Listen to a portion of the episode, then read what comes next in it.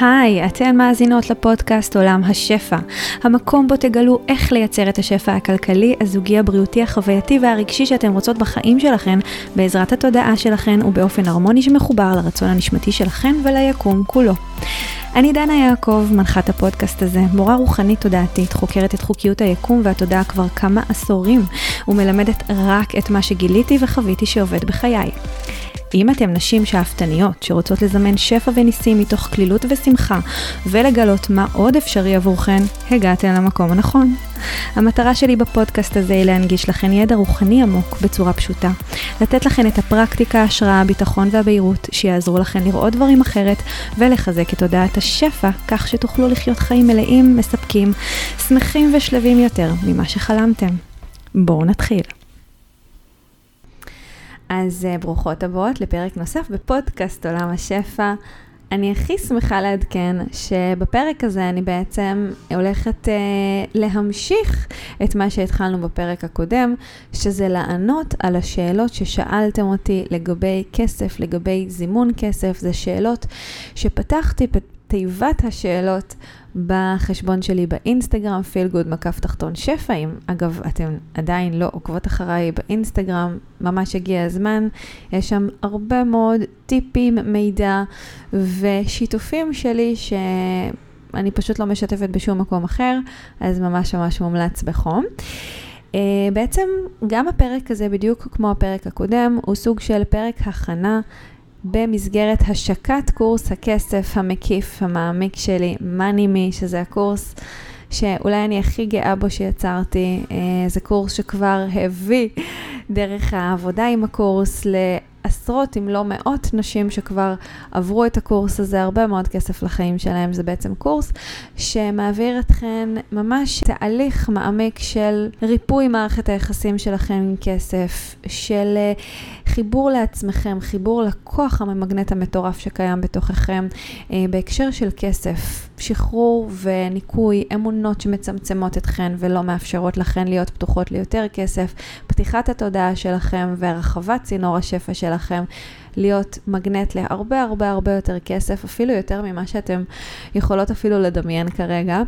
אה, אז כל הדברים האלה נמצאים בקורס מאנימי, שאני כבר מעדכנת שבמחזור הספציפי הזה אני הולכת להוסיף עוד שני שיעורים חיים בזום לקורס הזה, שבהם אה, אני גם הולכת לשתף במידע מטורף, שאני ממש מרגישה ש...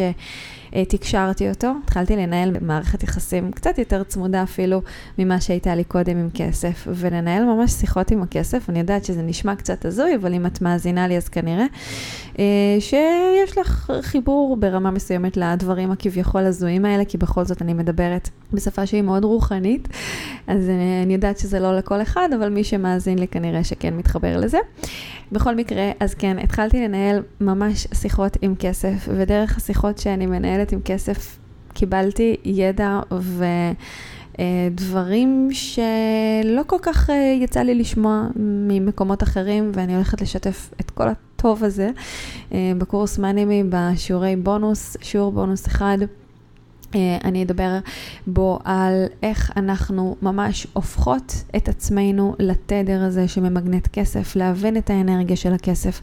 אה, כסף ברמות של חופש כלכלי, זאת אומרת כסף בכמויות גדולות יותר ממה שראינו, שהכרנו עד היום, איך בעצם להביא את עצמנו לתדר הזה. ובבונוס השני אני הולכת לדבר על כסף מנקודת מבט עסקית, איך בעצם לחבר את השפע. אה, שאנחנו מדברות עליו בכלל לאורך כל הקורס מאנימי להתנהלות העסקית שלנו. אז אה, אלה הדברים שהולכים להיות, כמובן שיש עוד המון המון המון טיפים, מידע ופרקטיקה שאני מכניסה בתוך השיעורים האלה. אז כל מי שנרשמת למחזור הזה של מאנימי הולכת לקבל ממני את השיעורים האלה גם בשידור חי וגם את ההקלטות שלהם.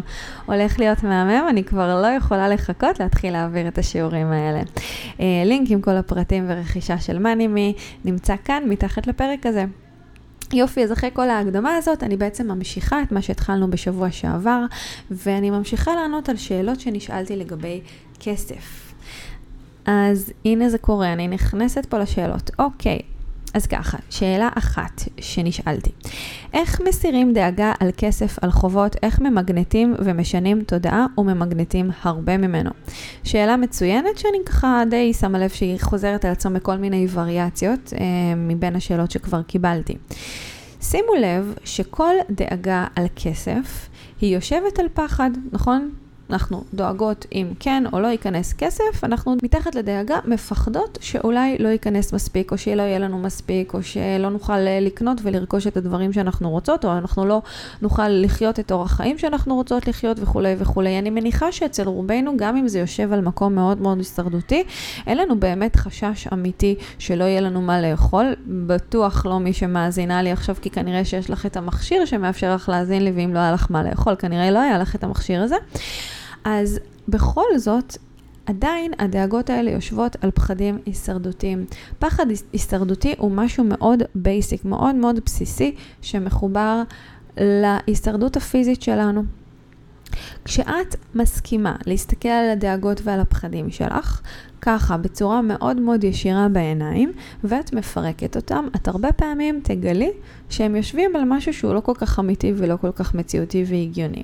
אז ההמלצה החמה שלי, וזה גם מה שאני מלמדת לעומק במאנימי, זה להסתכל על מה בדיוק הדאגות שלך על כסף, מה הסיפור שאת מספרת לעצמך סביב זה, מה מפחיד אותך בזה, באמת לשאול את עצמך, מה אני מפחדת בלהוציא עכשיו כסף על כך וכך וכך? מה מפחיד אותי בחוב? אה, והתשובה שעולה לך מתוך השאלה הזאת, תיקחי אותה עוד צעד אחד קדימה ותמשיכי לשאול את עצמך ומה מפחיד בזה. אז לדוגמה, מה שמפחיד אותי בלשלם על חוב, חוב כלכלי, זה שלא יישאר לי כסף לשלם ובסוף אני אכניס את עצמי לעוד יותר חובות ממה שכבר יש לי. אוקיי, ואז אני שואלת את עצמי, ומה מפחיד אותי בזה? אז מה שמפחיד אותי בזה שלא יהיה לי מספיק כסף לשלם את החובות, זה שהחובות יגדלו. אוקיי, ואז מה מפחיד אותי בזה שהחובות יגדלו? Uh, מה שמפחיד אותי בזה שהחובות יגדלו, שאז אולי uh, יעקלו לי את הבית ויקחו לי אותו. אוקיי, נגיד וזה קורה, מה מפחיד אותי בזה? שלא יהיה לי איפה לגור. ומה מפחיד אותי בזה שלא יהיה לי איפה לגור? אה, שאני אהיה נעה ונדה בעולם ובחיים. עכשיו, רוב הסיכויים שאם אני שואלת את עצמי את השאלה הזאת שוב ושוב ושוב, אני אגיע לתשובות אחרות, כמו, סתם עכשיו נתתי תשובות אה, מאוד מאוד קיצוניות, אבל ברוב המקרים, לרובנו תמיד תהיה אופציה כמו לגור אצל ההורים, לגור אצל חברה, להיות תלויות באנשים אחרים וכולי וכולי. המטרה בשאלות האלה ובלחזור ולשאול שוב ושוב את השאלה ומה מפחיד אותי בזה ומה מפחיד אותי בזה, זה להגיע לקצה, להגיע באמת למקום הכי הכי הכי הכי הכי מפחיד בתוך כל הסיפור הזה.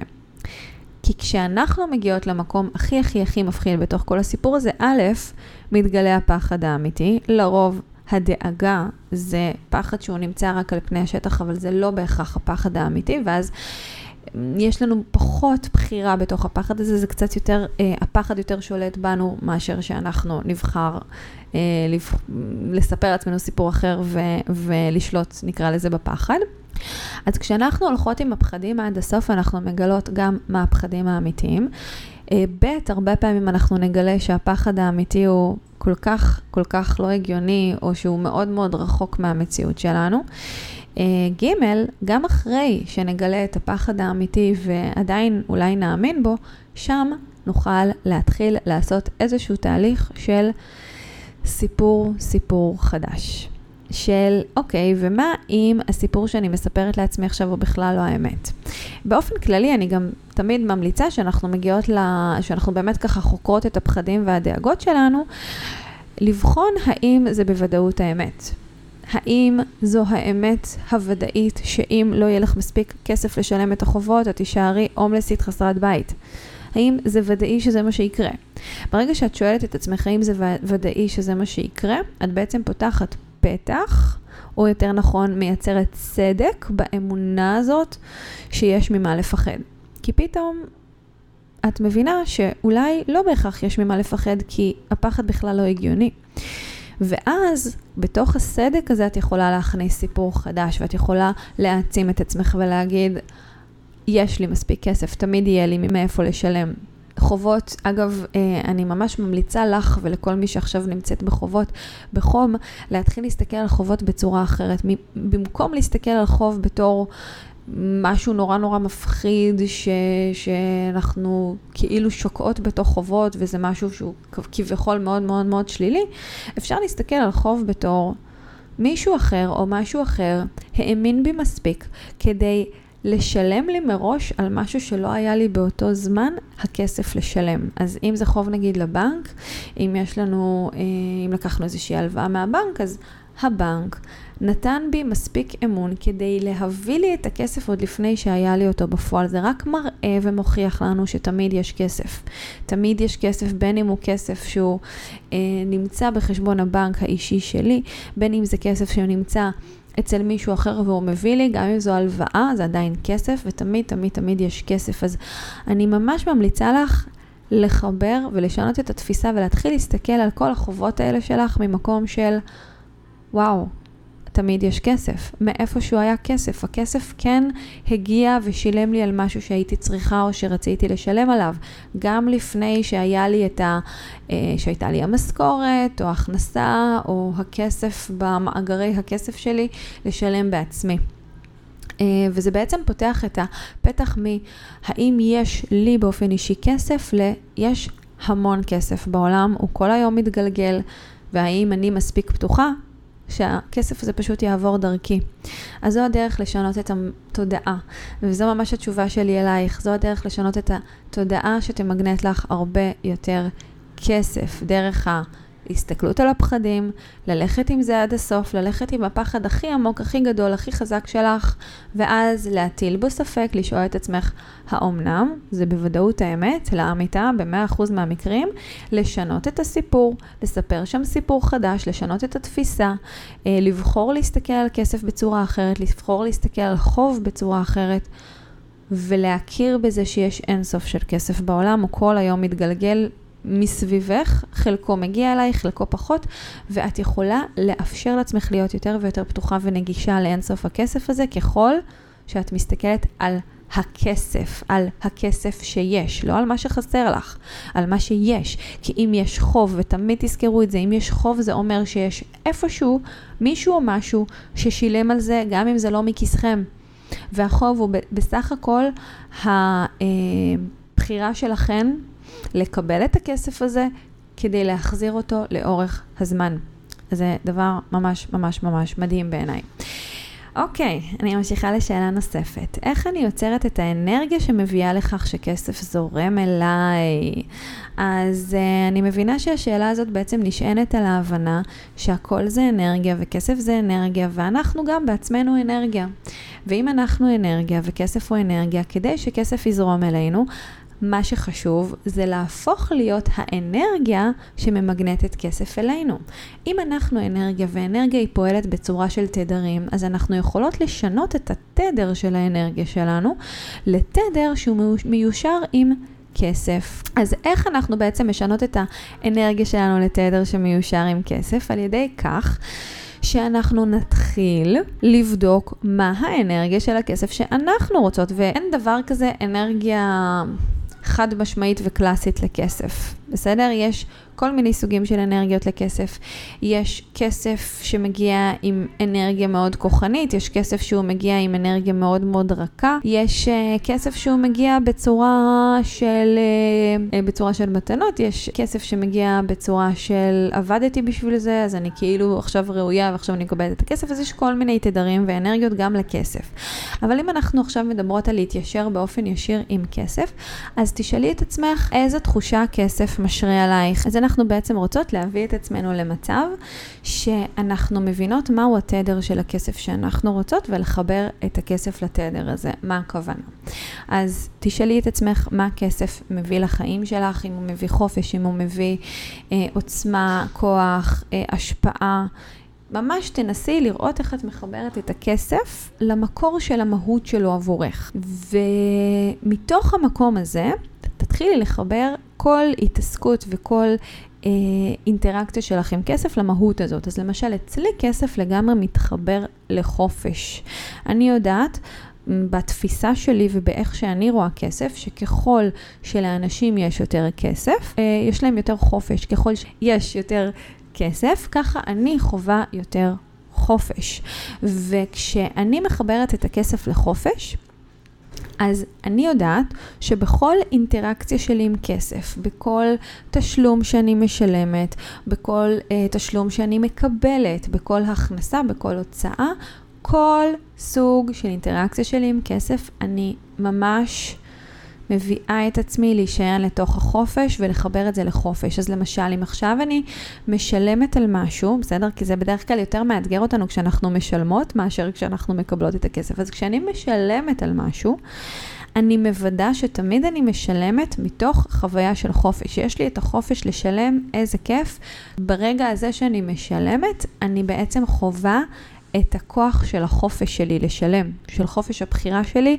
אני בחרתי לשלם על משהו, אז אני יודעת שהיה לי את חופש הבחירה, ומתוך חופש הבחירה אני בעצם משלמת. אני ממש מחברת את זה לשם.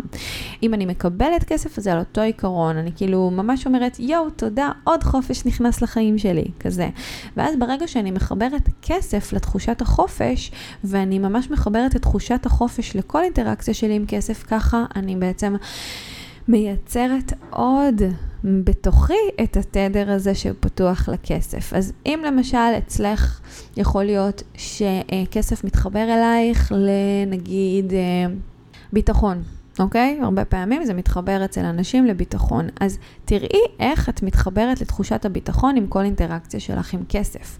על אותו עיקרון, כל פעם שאת משלמת, ממש תחברי את עצמך לביטחון, תשלמי בביטחון, תחברי את תחושת הביטחון לתשלום, תספרי לעצמך סיפור שמחבר אותך לתחושת הביטחון. זה ממש, בדרך הזו, בדרך שאנחנו מספרות לעצמנו סיפור שהוא מעצים, אנחנו בעצם מעצימות את עצמנו ואנחנו בעצם אה, מלבישות על עצמנו אמונות. שמעלות ומחזקות את הביטחון. אז לדוגמה, סיפור שאני יכולה לספר לעצמי שמעלה אצלי את הביטחון, זה בכל פעם שאני משלמת כסף, זה אומר עליי שיש לי ביטחון לשלם. בכל פעם שאני מקבלת כסף, זה אומר עליי שיש לי את הביטחון להיות הבן אדם הזה שנותנים לו את הכסף. Um, עוד ביטחון נכנס לחיים שלי, תודה, תודה, תודה, וכולי וכולי. אז ממש תראי איך את מחברת. זה למשל איזשהו טריק שמאוד עוזר לנו להתחבר לאנרגיה הזאת, וליצור את האנרגיה הזאת בתוכנו, כדי שהכסף יתמגנט אלינו. יש עוד המון דרכים אחרות, אה, אבל זה יצריך ממני לפחות עוד כמה פרקים, ובשביל זה גם יש את הקורס מאנימי, ששם אני מלמדת את זה יותר לעומק, אבל בגדול זה באמת, אה, זו איזושהי פרקטיקה שהיא עובדת מאוד מאוד מאוד טוב, אם אנחנו מחברות לכסף את המהות שלו, מה זה הכסף עבורנו, מה הוא נותן לנו, ואנחנו מתחילות לחבר את המהות הזאת, את התחושה הזאת, את הרגש הזה, את הסיפור הזה שמחבר אותנו לתחושה ולרגש הזה, בכל אינטראקציה שלנו עם כסף. מהמם. טוב, אני ממשיכה לשאלה הבאה. מתקשה להאמין שאצליח לזמן לקוחות, ולפיכך כסף מהעסק יושב על אמונה שאני לא מוכנה עדיין ושאאכזב. אז זו לא שאלה, אה, זה באמת אה, שיתוף, ואני מאוד מאוד מבינה אותך. במקום הזה, אם היית רוצה לשנות את זה, ואת מבינה שזו האמונה שלך, אז תעבדי עם האמונה בדיוק לפי איך שהסברתי קודם. תשאלי את עצמך, מה מפחיד אותך בלאכזב? מה מפחיד אותך בלאכזב? מה הדבר הגרוע ביותר שיקרה אם תאכזבי?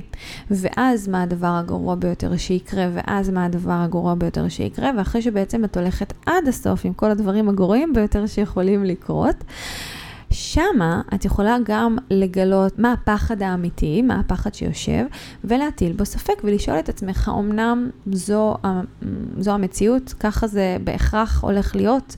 אה, האם אני יודע, יכולה לדעת בוודאות שזה בדיוק מה שיקרה אם אני אאכזב, אם, לא משנה, אם ישלמו לי על משהו בעסק? זו בוודאות האמת. לשאול את עצמך והמטרה היא בסופו של דבר להכיר בזה שזה לא בוודאות האמת, שזה רק סיפור שאת מספרת לעצמך. זה יכולה להיות אמת, כן, כי כל סיפור יכול להפוך לאמת שלנו אם אנחנו נספר לעצמנו אותו מספיק פעמים, אבל זה לא בהכרח האמת. ובוא נגיד וזאת תהיה האמת. וזה הדבר הגרוע ביותר יקרה. האם תצליחי לחיות אחרי זה?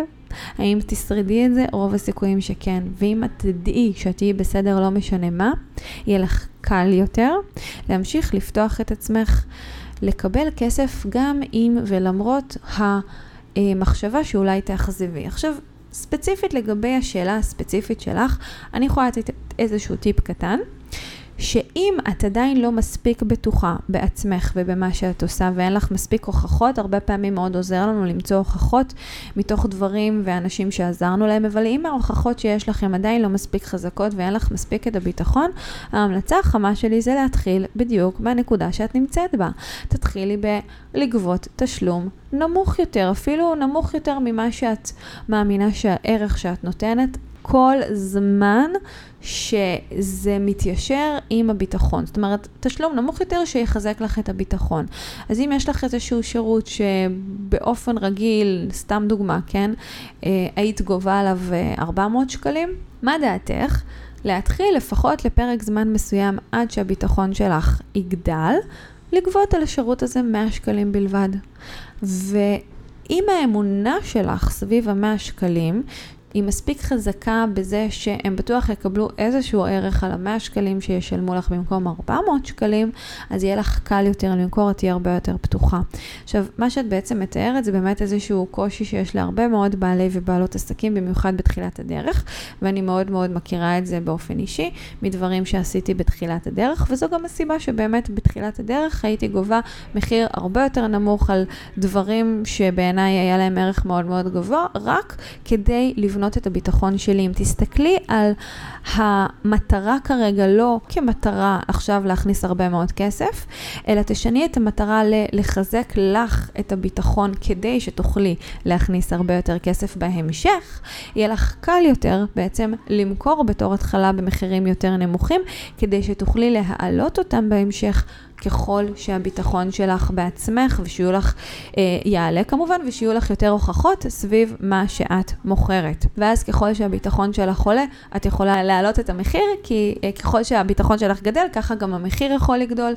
כי בסופו של דבר, כן, אם כסף מתחבר ומתקשר אצלך לתחושת ביטחון, אז חשוב מאוד שכן תרגישי ביטחון כשאת מוכרת משהו. ו... וכן, וזו גם הסיבה לכך שהרבה פעמים אנשים מתחילים אפילו ב... בלתת דברים בחינם רק כדי לצבור את הביטחון. אני לא אומרת שאת צריכה לתת את השירות שלך בחינם, ממש ממש ממש לא. אני לא דוגלת בחינמים, אבל אלא אם יש לזה באמת מטרה שיווקית, או משהו שהוא יושב על הערכים שלך, כמו ערך של נתינה ושל להנגיש ידע ותוכן, בדיוק כמו שאני עושה כרגע פה בפודקאסט. אבל כן להתחיל עם סכומים יותר נמוכים, שאת יכולה כן לעמוד מאחוריהם ולהגיד, במקרה הכי גרוע, גם אם זה לא יהיה מדהים והם יתאכזבו, בסדר, הם לא שילמו יותר מדי, הם שילמו הרבה פחות ממה שהם היו משלמים אה, על אותו שירות לאנשים אחרים, ו- ואני בסדר עם זה.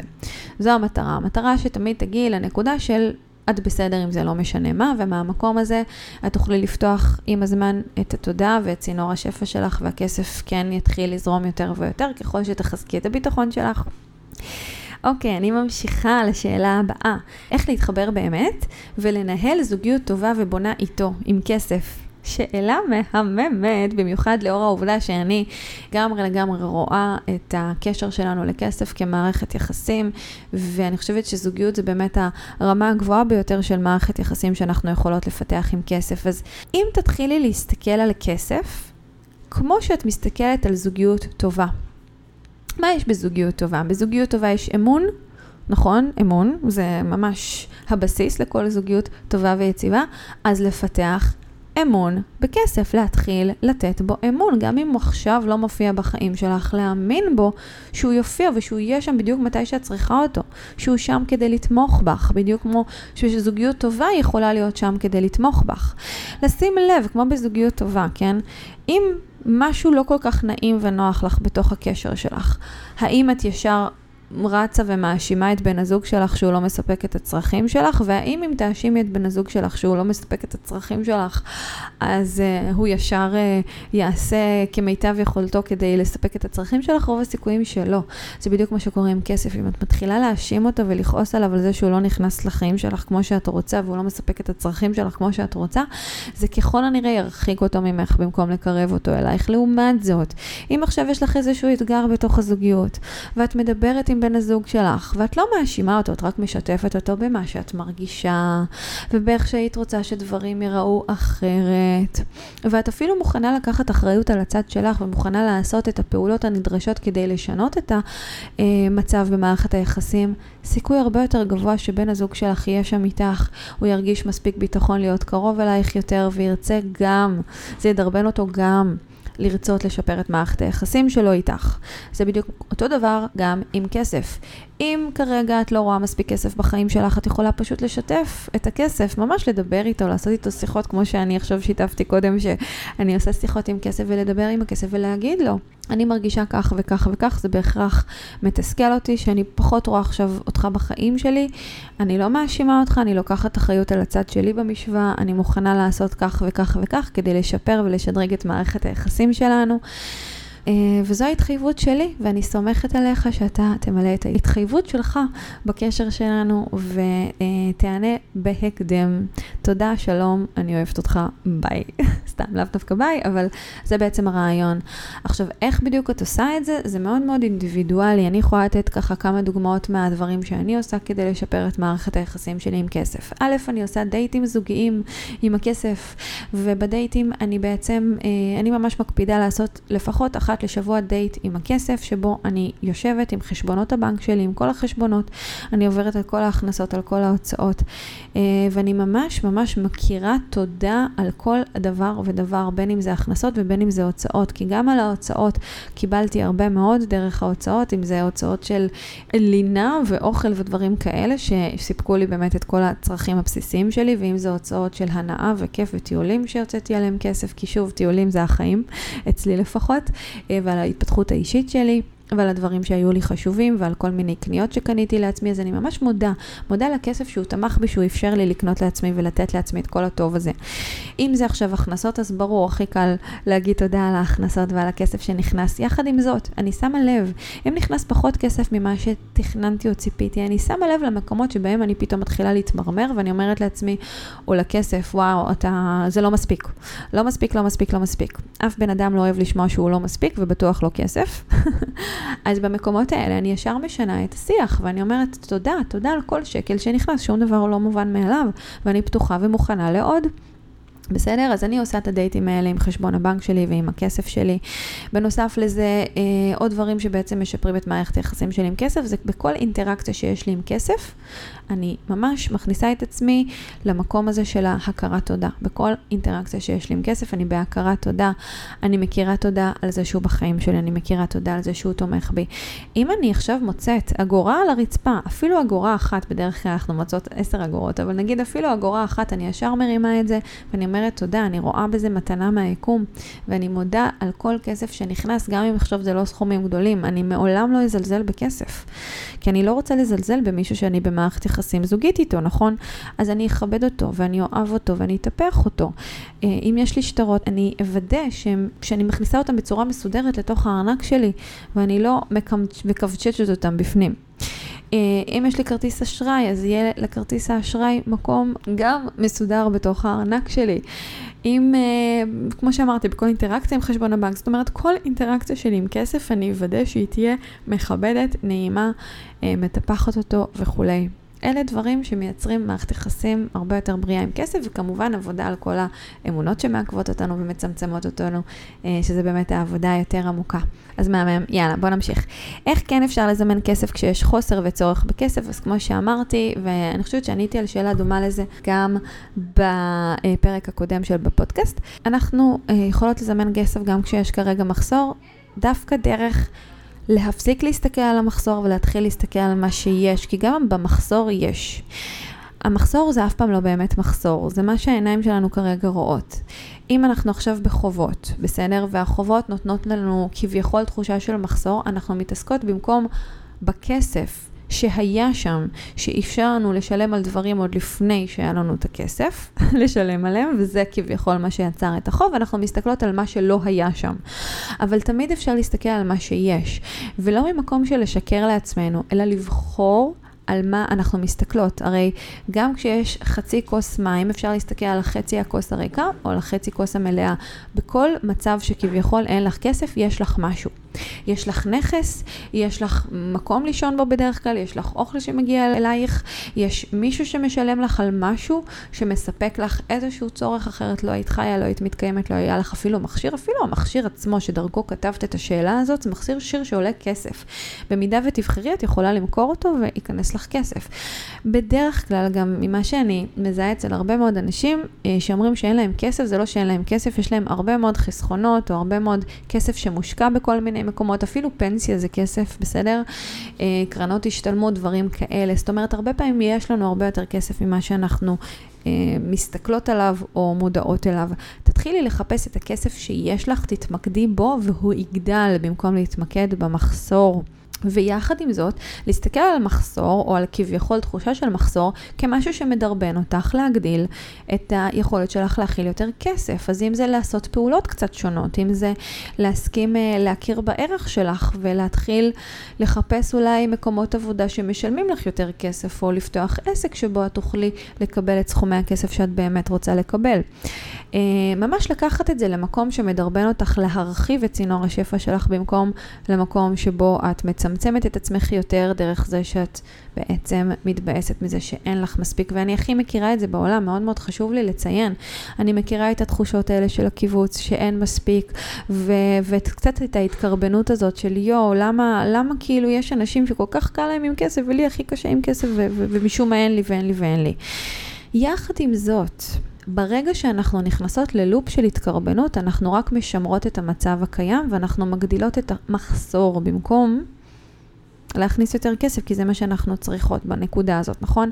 אז אחד מהדברים שאצלי שינו באמת את כל ההסתכלות, זה ההבנה שבכל פעם שאני חווה איזשהו מחסור, זה רק דרבון מהיקום, דרבון של הכסף, דרבון של הנשמה שלי, להיפתח לי יותר. להסכים לקבל יותר, לעשות את העבודה הפנימית, לשנות את התפיסה, להכיר ולהאמין שמגיע יותר. ואחת מה, מהאמונות שאני מאוד אימצתי לעצמי בכל פעם שנדמה לי שאין מספיק, זה שכשיש מחסור זה רק חלל שמבקש להתמלא, כי יש מאיפה למלא אותו. אני רק צריכה למצוא את המאיפה הזה, אבל יש מאיפה.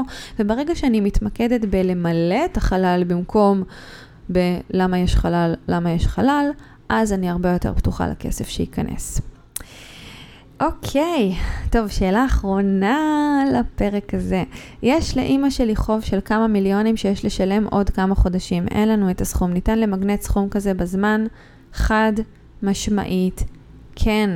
אחד מהדברים המדהימים, מדהימים, מדהימים שגיליתי עם העבודה אה, עם חוקיות היקום וחוק המשיכה וזימון מציאות, זה שאין לנו מושג מה אפשרי עבורנו עד שאנחנו לא פותחות את האפשרות שזה אפשרי. אז ההמלצה החמה שלי אלייך, אני מבינה שזה מלחיץ, אבל להתחיל להכיר בזה שגם אם זה לא נראה הגיוני, זה אפשרי. מה שלא הגיוני לא בהכרח אומר שזה לא אפשרי, ואחד מהדברים שאני מגלה שוב ושוב ושוב, שדברים קורים בצורה הכי לא הגיונית שיש כשאנחנו פותחות את האפשרויות. אז קודם כל תכירי בזה שזה אפשרי. ואם את יכולה לדבר על זה עם אימא שלך, ושבאמת שתיכם תחזקו אחת את השנייה בזה שזה אפשרי, זה כבר פותח את האפשרויות. רק מעצם המחשבה שזה יכול להיות אפשרי, פותחת כל מיני אופציות יצירתיות שבכלל לא היו שם קודם. יש, אפשר ממש לעשות איזשהו תרגיל עכשיו. תחשבי על סכום של כסף ותגידי לעצמך זה לא אפשרי, זה לא אפשרי, זה לא אפשרי. אם את אומרת לעצמך שזה לא אפשרי, אין סיכוי בעולם שיעלו לך פתרונות יצירתיים. לעומת זאת, אם תגידי לעצמך, זה אפשרי, זה אפשרי, זה אפשרי, זה אפשרי, השאלה הבאה שתעלה שם, אבל איך? מה אפשר לעשות כדי שזה יהיה אפשרי? איך אני פותחת את האפשרויות? ורק מעצם השאלה הזאת האפשרויות מתחילות להגיע. בין אם הן מגיעות באותו רגע, בין אם הן מגיעות עם הזמן.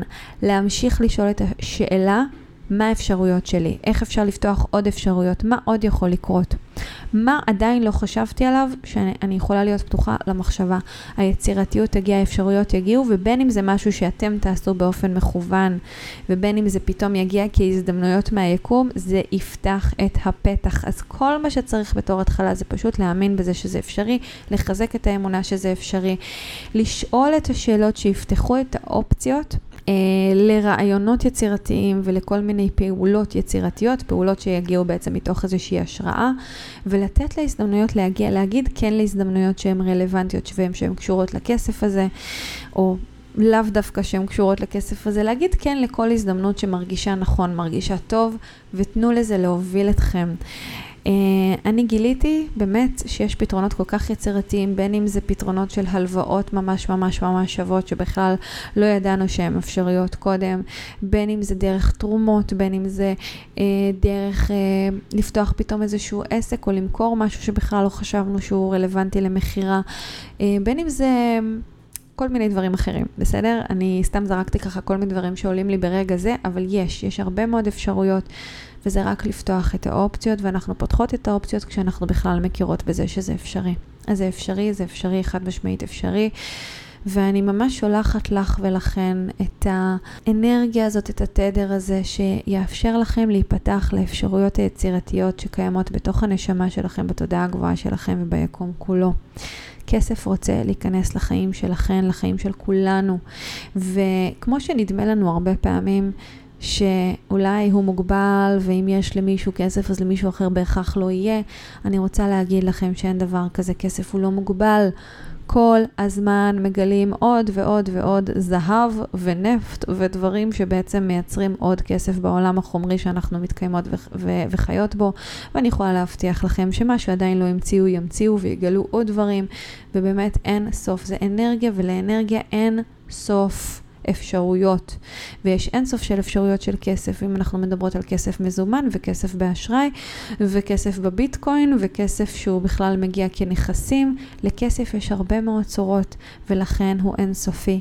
תאמינו, תכירו בו, תדעו שהוא אפשרי עבורכן, תיפתחו לכסף הזה, ואם אתם רוצות להעמיק את היכולת שלכם להיות הרבה יותר פתוחות לשפע מטורף, שבכלל לא האמנתם שיכול להיות קיים עבורכם, תצטרפו למאנימי, יש פה באמת הזדמנות מדהימה בשבוע הקרוב אה, להירשם לקורס המהמם הזה, שבאמת... הקורס האהוב עליי בעולם בערך, ולא רק עליי, מסתבר שעל מאות אנשים שכבר רכשו אותו, ואני הולכת אה, באמת לקיים שני שידורים חיים, שזה בעצם שיעורים שמתווספים לקורס המאנימי, ואני ממש מחכה לראות אתכם בשידורים אחרים, הולך להיות מהמם, יש לכם פה לינק מתחת לרכישה עם כל הפרטים, ו... וזהו, ובלי קשר מאחרת לכם שפע אין סופי. אוהבת המון המון המון, ואנחנו נתראה בפרק הבא. תודה רבה שהקדשתן את הזמן להאזין לפרק הזה. אם אהבתם את מה ששמעתם כאן היום, זה הזמן להעביר את השפע הלאה. אני הכי אשמח בעולם אם תפרגנו בדירוג הפודקאסט ובחוות דעת חיובית, ואם אתן מכירות אנשים שהתוכן הזה יכול לתרום להם, שתפו אותם. אם אתן עדיין לא עוקבות אחריי במדיה, תוכלו לקבל עוד טיפים, השראה והמון אנרגיות של שפע בעמוד האינסטגרם שלי, פיל גוד, כף תחתון, שפע, או באתר שלי, feelgoodשפע.com. זה הזמן ללכת וליצור שפע וניסים בחיים שלכם. אוהבת.